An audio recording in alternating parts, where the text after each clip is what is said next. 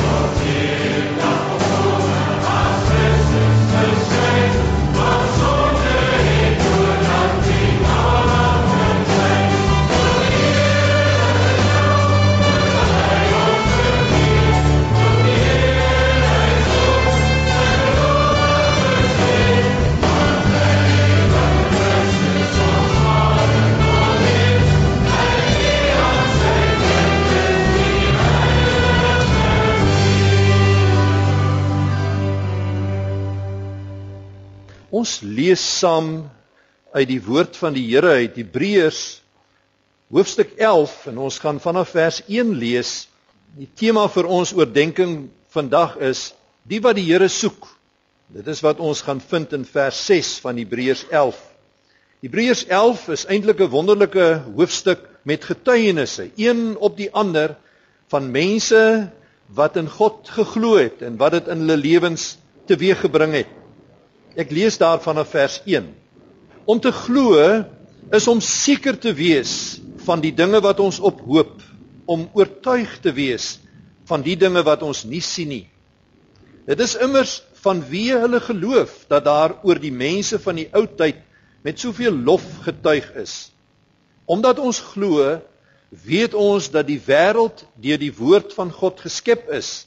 Die sigbare dinge het dus nie ontstaan uit iets wat ons sien nie. Omdat Abel geglo het, het hy 'n beter offer aan God gebring as Kain. Vanweë Abel se geloof het hy van God bevestiging ontvang dat hy 'n opregte man is, want God het sy offers aangeneem.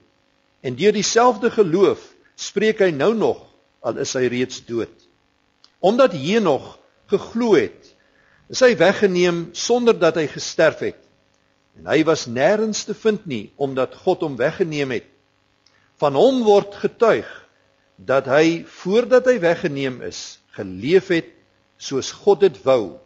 As 'n mens nie glo nie, is dit onmoontlik om te doen wat God wil. Wie tot God nader, moet glo dat hy bestaan en dat hy die wat hom soek beloon. Ons lees net tot sover in die woord van die Here. Wat 'n treffende laaste vers wat ons gelees het, vers 6 van Hebreërs 11. Ek wil die ou vertaling net weer vir ons voorhou. Sonder geloof is dit onmoontlik om God te behaag. Want hy wat tot God gaan, moet glo dat hy is en 'n beloner is van die wat hom soek. So onmiddellik sien jy in hierdie een sin twee pole wat teenoor mekaar staan. Aan die een kant sonder geloof en aan die ander kant die wat hom soek. Dis twee groepe mense as dit ware in ons samelewing vandag. Die wat sonder geloof is en die wat hom soek. Die hele hoofstuk 11 is vol van mense wat die Here soek, mense wat in geloof hulle na hom wend, mense wat by die Here meer van homself kom soek. So 'n paar hoofstukke vroeër in die Hebreërbrief waarsku hierdie skrywer die lesers vir die gevaar om sonder geloof te wees. In Hebreërs 3 vers 12 sê hy sorg daarvoor broeders dat daar nie miskien in een van julle 'n bose en ongelowige hart is deurdat hy van die lewende God afvallig word nie. 'n Ongelowige hart is baie keer die oorsaak, die gronde vir iemand se afvalligheid van God. As iemand begin wegdryf van die Here, is dit omdat hier binne-in hierdie woorde posgevat het sonder geloof. Sonder geloof. 'n Ongelowige hart En dis interessant dat as die Hebreërbrief skrywer praat oor geloof, dan praat hy met mense wat eintlik baie van geloof geweet het, want die Jode was mense wat deur hulle hele geskiedenis met God en met geloof te make gehad het. En baie keer is dit so dat mense wat voorheen ywerig die Here gedien het, vir hom gelewe het, in hulle geloof keuses maak om sonder geloof te wees. 'n ongelowige hart te verwelkom in hulle binneste. Mense wat in hulle huise gewoond was om te bid, meer as net by die tafel te bid vir die ete, maar hulle kinders te leer bid en by tye van stilte die Here aan te roep in gebed, maar nou het hulle ophou om te bid omdat hulle 'n ongelowige hart in hulle binneste verwelkom het. Dit is al gesê dat die hoofsonde tussen al die baie sondes wat 'n mens kan doen is die sonde om nie te glo nie. Om dit wat God vir jou in sy liefde gee, wat hy in sy liefde openbaar, die verlossing wat hy in Christus vir jou beskikbaar stel, dat jy kies om dit nie te glo nie. Dat jy 'n ongelowige hart verkies en daaraan vashou. Daar is al gesê dit is die sonde wat die meeste skree teen die hemel. Die hart wat ongelowig is, die onwillige wat nie wil glo wat God sê nie. Jy sien om om sonder geloof te wees beteken letterlik dat 'n mens sy rug op God draai. Dis al manier hoe jy kan verstaan waarom die Bybel so sterk spreek oor ongeloof en dit as so groot misdaad en misstap uitwys vir ons. Dis 'n rugtoekeer na God toe.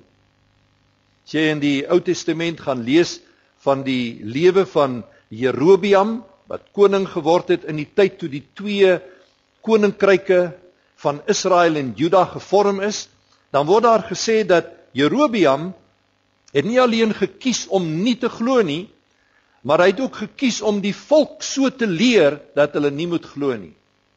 En in uh, 1 Konings 14 lees ons dat hy het God uitgetart en sy rug vir God gedraai.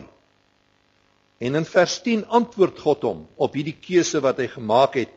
En God sê om die rede bring ek ellende oor die huis van Jerobeam. So ons het nodig om net hier in hierdie hoofstuk wat handel oor die geloof en oor die helde van die geloof en wat eintlik vir ons 'n aansporing is om God meer ernstig in geloof te soek, moet ons kennis neem daarvan dat ons leef in 'n wêreld en in 'n gemeenskap wat eintlik toenemend sonder geloof raak. Mense wat al hoe meer God ignoreer, dis wat dit beteken as jy 'n ongelowige hart het. Mense wat al hoe meer God wil vergeet. Met ander woorde, uit hulle leefruimte uitstoot. Dis wat dit beteken om 'n ongelowige hart te hê. Mense wat al hoe meer God se beloftes van seën minag. As die Here nou sê, ek sal jou seën, ek sal jou voorspoedig maak, dan sal so een sê, ag wat. Dit beteken eintlik niks nie. Nou dis die een soort mens in ons samelewing vandag, die wat sonder geloof is. En daar is 'n groeiende getal van hulle wat kies om sonder geloof te wees. Trouwens daar's mense wat vandag dit hulle godsdiens maak om nie te glo nie. Dit is hoe hulle hulle godsdiens wil bedryf as 'n ongelowige. Maar die belangrike ding wat 'n mens maar van kennis moet neem rondom hierdie keuse van 'n persoon wat sê dat hy kies om sonder geloof te wees, is dat Hebreërs 11 vers 6 op dieselfde wyse sonder verskoning sê So mens kan God nie behaag nie. Die nuwe vertaling sê dit so mooi, dis onmoontlik vir so mens om God se wil te doen. Hulle kan op geen manier God se glimlag ontlok nie. Nou dis nou genoeg gesê oor die wat sonder geloof is. Kom ons praat oor dit wat aan die ander punt, die ander pool van hierdie wonderlike vers 6 in Hebreërs 11 staan. Want daar is sprake van 'n ander groep mense. Trouwens die hele Hebreërs 11 wat ek gesê is vol van getuienisse van sulke mense wat nie net in een geslag gelewe het nie, maar oor honderde jare versprei gelewe het. Wat met 'n besondere naam beskrywe kan word. Dit is die mense wat hom soek, die wat hom soek. Die wat hom soek. Die Engels sê so mooi those who diligently seek him. Die wat met die aanwending van alle ywer die Here soek. Ons lewe in 'n baie besondere tyd hier in ons land beweeg ons nader na Pinkster. Dis in ons land tekenend dat my maand baie keer 'n maand van herlewing in ons land was. Dis 'n tyd om die Here te soek. En hier word 'n beskrywing gegee van die wat hom soek. Soos Henog wat net in die vorige vers beskryf word wat getuienis ontvang het dat hy God behaag het. Is dit nie 'n wonderlike getuienis om oor iemand se lewe te lewer nie? Dat so iemand het God behaag. Sy hele lewe het God behaag. Die nuwe vertaling sê van hom word getuig dat hy voordat hy weggeneem is, geleef het soos God dit wou. Dis nie eers sy eie voortreffelikheid wat hy so geleef het nie. Dit was nie sy eie goeie werke of sy besondere goeie dade wat hy in die gemeenskap gedoen het nie, maar dit was hierdie feit dat sy hart het geglo. Sy hart het gekies om God te glo. Hy het so in sy hart met God saamgestem dat hier 'n beskrywing gegee word van iets wat niemand van ons werklik verstaan nie en dit is dat hy so saam met God geloop het dat hy so met God gemeenskap beoefen het dat die Bybel sê en hy was net nie meer daar nie Hy het eenvoudig oorgeglip in die volle heerlike gemeenskap met God. Hy het eenvoudig uit hierdie lewe oorgeglip om by God te wees. Hier word uitdruklik gesê hy het nie gesterwe nie.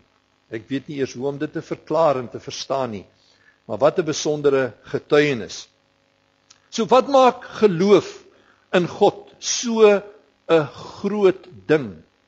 Ons het net nou stil gestaan by die gedagte wat maak dat hierdie sonde van ongeloof so erge sonde is. Wat maak dat dit so erge sonde is en ons het gesê dis wanneer jy jou rug op God keer. Nou wat is dit wat maak dat geloof in God so groot ding is? Miskien moet ons die prentjie omdraai en sê dis wanneer jy met alles in jou wese jou rug om die aangesig van God te sien, die aangesig van God te beleef, met ander woorde sy glimlag, sy goedkeuring, sy seën, jy wil hom behaag. Miskien moet dit gesoek word in die bereidheid van 'n mens om soos 'n kindjie te glo. Om so eenvoudig te glo dat jy nie nodig het om te sien voordat jy glo nie. Al sien jy niks, dan glo jy. Dis miskien die die aspekte van geloof wat maak dat dit so besonder is en God so behaag. Hoe dit ook al sy geloof rus op 'n keuse dat ek met hierdie God in 'n verhouding wil lewe. Ek wil met hom in verhouding leef. Dit is so wonderlik as jy die geskiedenis van Israel gaan kyk. Dan sien jy hoe God geloof geplant het en geloof gegroei het in die hart van die mense van Israel.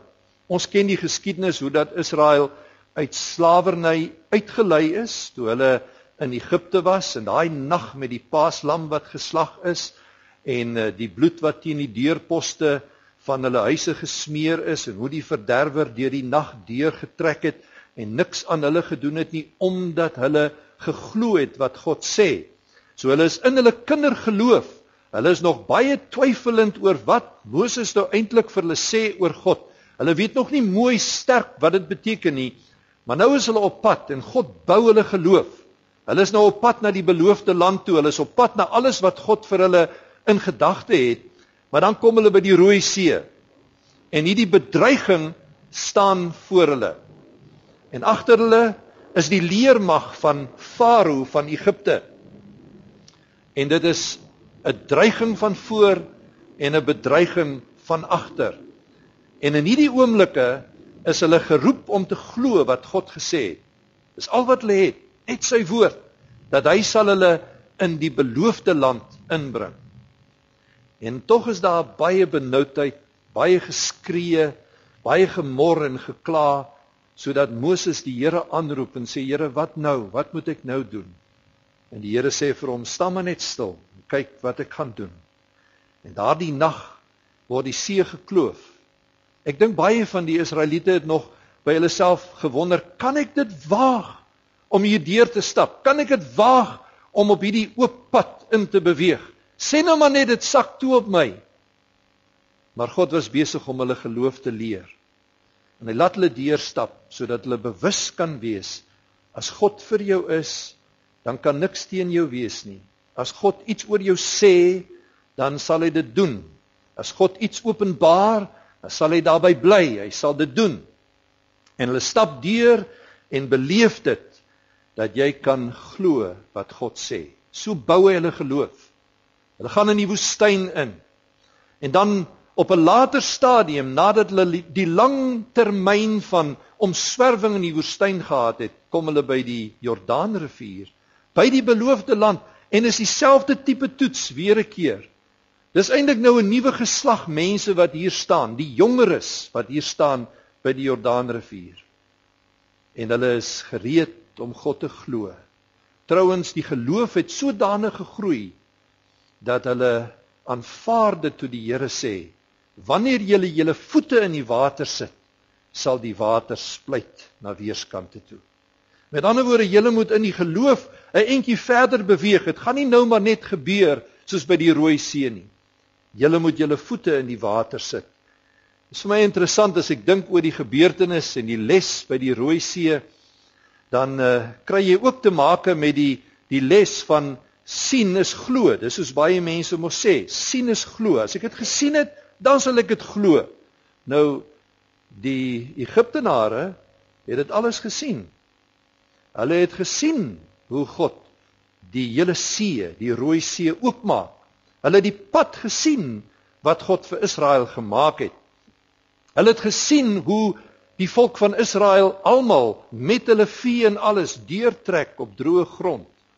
Hulle het dit alles gesien, maar hulle het geen verhouding met God gehad nie. Hulle het geen geloof in hulle binneste gehad nie. Hulle het net gesien en besluit ons sal hulle agterna sit. En die sien is glo formule het nie uitgewerk nie.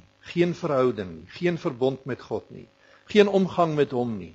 En wat in werklikheid gebeur is dat die see keer terug na sy plek en die hele lot van hulle word eenvoudig verswelg deur die waters. Glo.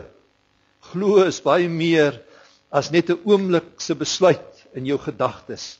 Glo het te make met 'n oorgee van jouself in 'n verhouding met God. Dis waarom die Here Jesus wanneer hy in die wêreld kom en hy God se woord kom openbaar aan ons, dit kom bekend maak dat God is liefde en God wil in sy liefde in 'n verhouding met ons staan, dan sê hy in Johannes 3 vers 36 Wie in die seun glo, het die ewige lewe. Wie egter aan die seun ongehoorsaam is, sal die lewe nie sien nie, maar die straf van God bly op hom. Hier staan die Here Jesus voor mense. Hy is die voorsiening van God vir verlossing. Hy is die beloofde Messias. Hy is die een wat gekom het om die finale openbaringswoord van God te wees. Hy's die een wat die hoogste openbaring bring dat daar is lewe in verhouding met God. En terwyl die verlossing van Israel voor hulle oë staan, is daar baie wat kies om nie in hom te glo nie.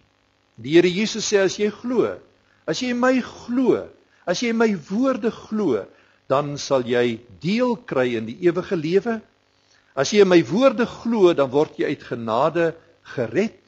As jy in my woorde glo, sal jy die lewe ervaar. Maar as jy nie glo in God se eie seun nie, as jy nie sy goeie nuus glo nie, aan sy woord ongehoorsaam is, sal jy die lewe van God in Christus nie sien nie. Jy sal dit nie sien nie, nie beleef nie, nie ervaar nie. Jy sal die groot geheim van Christus wat binne in jou woon, sal jy nooit beleef nie. Jy sal nooit die hoop van die heerlikheid smaak nie. En wat erger is, die Here Jesus voeg by en die oordeel van God bly op jou. So die Hebreërbrief skrywer is eintlik besig om ons aan te spoor tot die wysste, beste, allerbeste ding om te doen en dit is om jou lewe in geloof aan God oor te gee.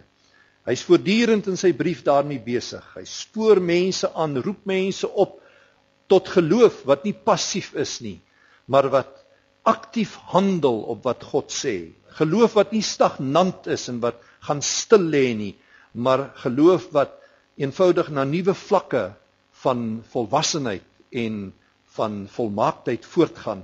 Hy praat van geloof wat nie traag is nie, maar wat ywerig daarna toe beweeg om God se beloftes in besit te neem. En hy ekho die woorde van die profete wanneer hy sê die regverdige sal deur die geloof lewe.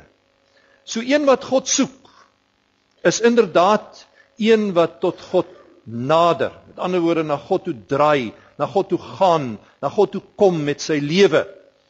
Iemand wat God soek beteken iemand wat 'n begeerte het om by God besoek te bring, om God se besoek te beleef om 'n ontmoeting met die Here te hê. En miskien as hy reeds 'n ontmoeting gehad het met die Here om 'n kuier by God te beleef. Dis wat hier bedoel word in hierdie soeke na God. Hy soek God, hy begeer na God. Eintlik is dit op drie vlakke wat hierdie soeke behoort plaas te vind in elkeen van ons se lewens. Eerstens die kom na God toe in bekering. Die toenadering tot God vir daai oomblik wat ek nodig het dat my sondes vergewe word, my lewe nuut gemaak word. Dis die kom na God toe, die soeke na God vir bekering. In die tweede plek, wanneer jy uit genade gered is, die herhaalde inkom voor God. Die soeke na God keer op keer in dankbaarheid omdat hy my siel gered het, omdat hy my lewe nuut gemaak het, 'n dankbare oorgawe aan God. Dis wanneer soeke 'n aanbiddingsdaad word.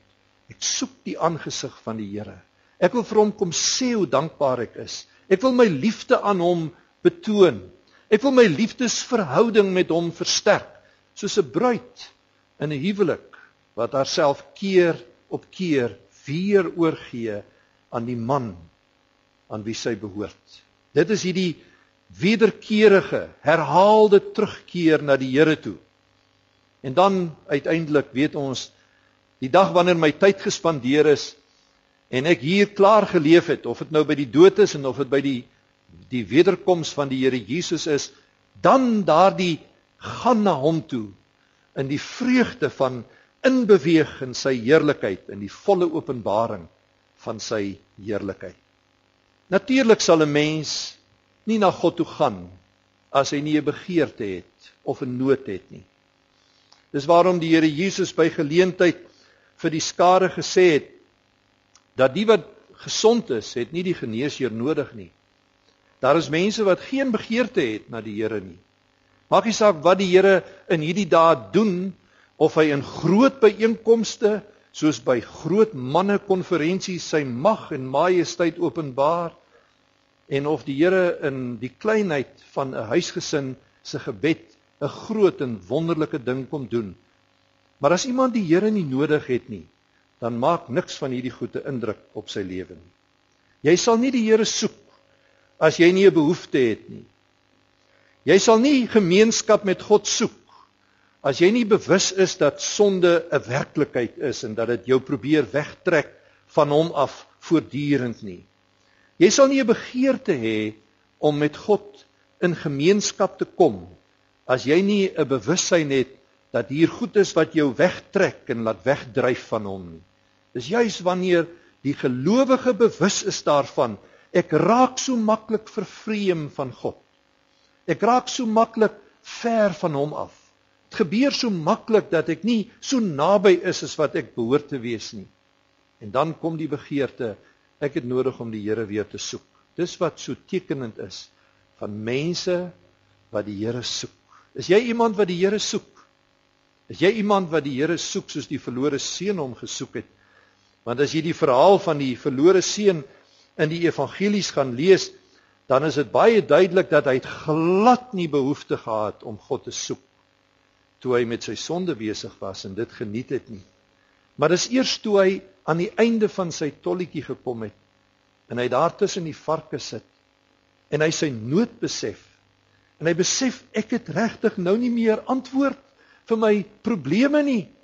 En hy ook agterkom hoe erg mis hy die lewe by sy vader dat hy by 'n besluit uitkom ek sal opstaan en na my vader gaan. Jy sien dit is 'n besef van nood wat maak dat mense God soek. Die wat die Here soek dis waaroor ons praat die wat die Here soek Hebreërs 4 vers 16 spoor ons aan kom ons gaan dan met vrymoedigheid na die genade troon sodat ons barmhartigheid en genade kan ontvang en op die regte tyd gehelp kan word. Wat 'n wonderlike God wat so oop en beskikbaar is. Wie se kantoordeur so oop staan vir die een wat hom soek. Trouwens, sy woord is vol daarvan. Die wat hom soek, sal hom vind. Die wat die Here betyds soek, sal hom vind, want hy sê soek die Here terwyl hy nog te finde is. Hy sê soek hom met jou hele hart en jy sal hom vind. Moenie moeg word, sê die Bybel. Moenie moeg word om die Here te soek nie. In Hebreërs 7 vers 25 verseker ons dat as ons so na hom toe gaan en ons hom gaan soek met ons hele hart en met ons hele lewe, dan sê Hebreërs 7 vers 25, hy kan die help wat na hom toe nader. Met ander woorde, hy is in staat om dit te doen. Hy het die vermoë om iets te doen in jou lewe as jy na hom toe vlug met jou nood en met jou behoeftes. En dan sê die woord van die Here vir ons dat die wat die Here soek, hulle beleef hierdie merkwaardige ding dat daar 'n beloning is. God beloon die een wat na hom soek. Daar is 'n beloning. Wat is die beloning? Is die beloning in goed? Is die beloning in in tydelike vermoë is die beloning net bloot op die vlak van genesing weet jy nee dit is baie dieper as dit die beloning is dat as jy die Here soek dan sal die Here homself aan jou openbaar jy kom by die Here uit jy beleef die Here as die bron van al hierdie dinge wat jy nodig het vir jou lewe jy beleef die Here as die een wat eintlik jou hele lewe met sy glans kom oordek en vervul. Hy gee homself aan jou. So klompie jare gelede het ek die geleentheid gehad om in Burgersfort in die Laagveld 'n Pinksterreeks te lei. En die Woensdagoggend so in die middel van Pinkster het ek saam met die leraar van die gemeente 'n Bybelstudie op 'n plaas gaan bywoon. Ek was maar een van die deelnemers, iemand anders, een van die boere het dit gelei Hulle het die Amos boekie gehad wat hulle deurgewerk het en uh saam die Here se aangesig gesoek rondom sy woord. En toe saam die Here se aangesig gesoek in gebed. Dit was manne vir wie ek so groot respek ontwikkel het want hulle was vroeg die môre reeds ernstig in hulle soeke na die Here. Terwyl ons so besig was, het ek gesien aan die oorkant van die kamer so reg langs die klavier het 'n man gestaan met sy arm wat so rus op die klavier. Hy het nooit gesit die hele tyd deur die Bybelstudie nie.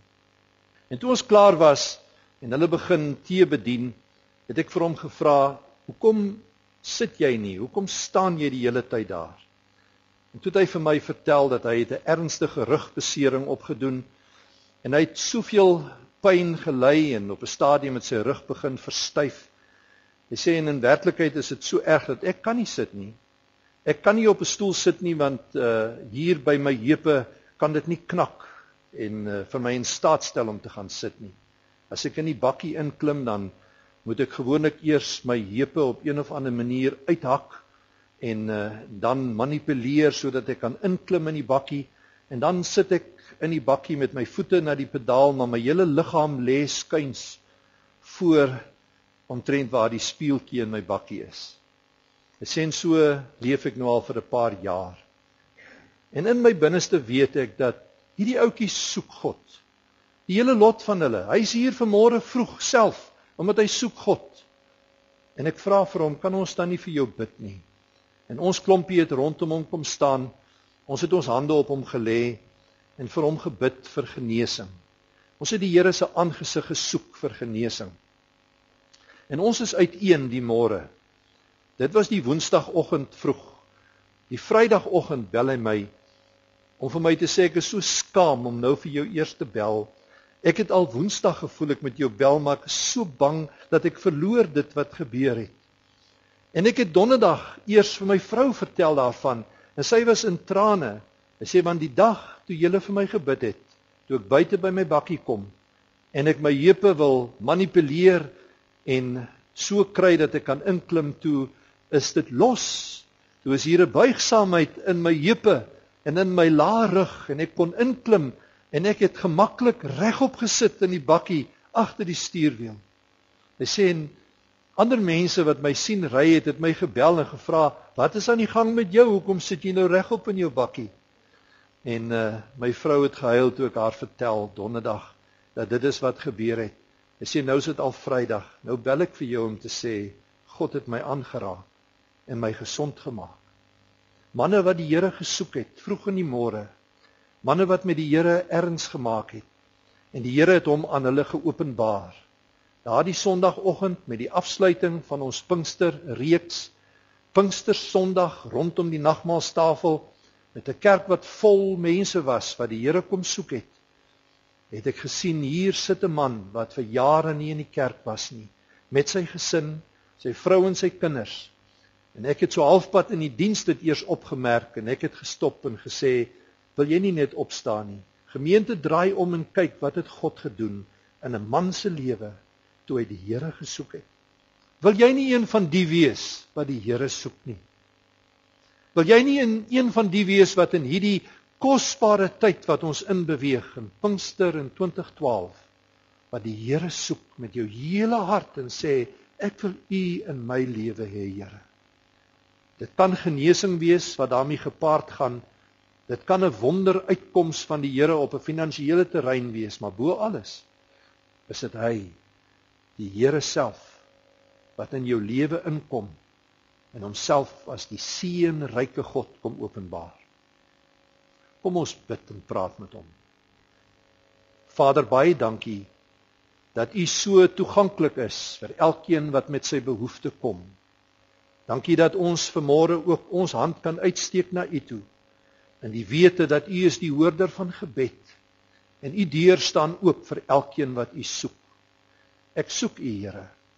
Ek soek U met my hele hart. Ek begeer na U. Ek wil nie in my nood en behoefte bly nie. Ek wil na U toe kom. Ek kom lê my lewe voor U vanmôre om weer opnuut in die innige gemeenskap met U saam te leef want u liefde is so groot dat ek dit soek en begeer om my lewe te oorvloei in Jesus se naam. Amen.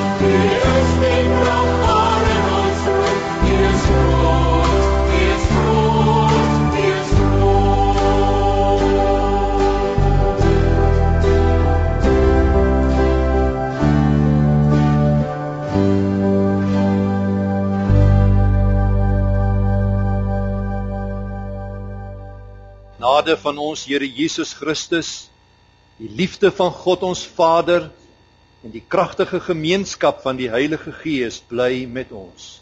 Amen. thank you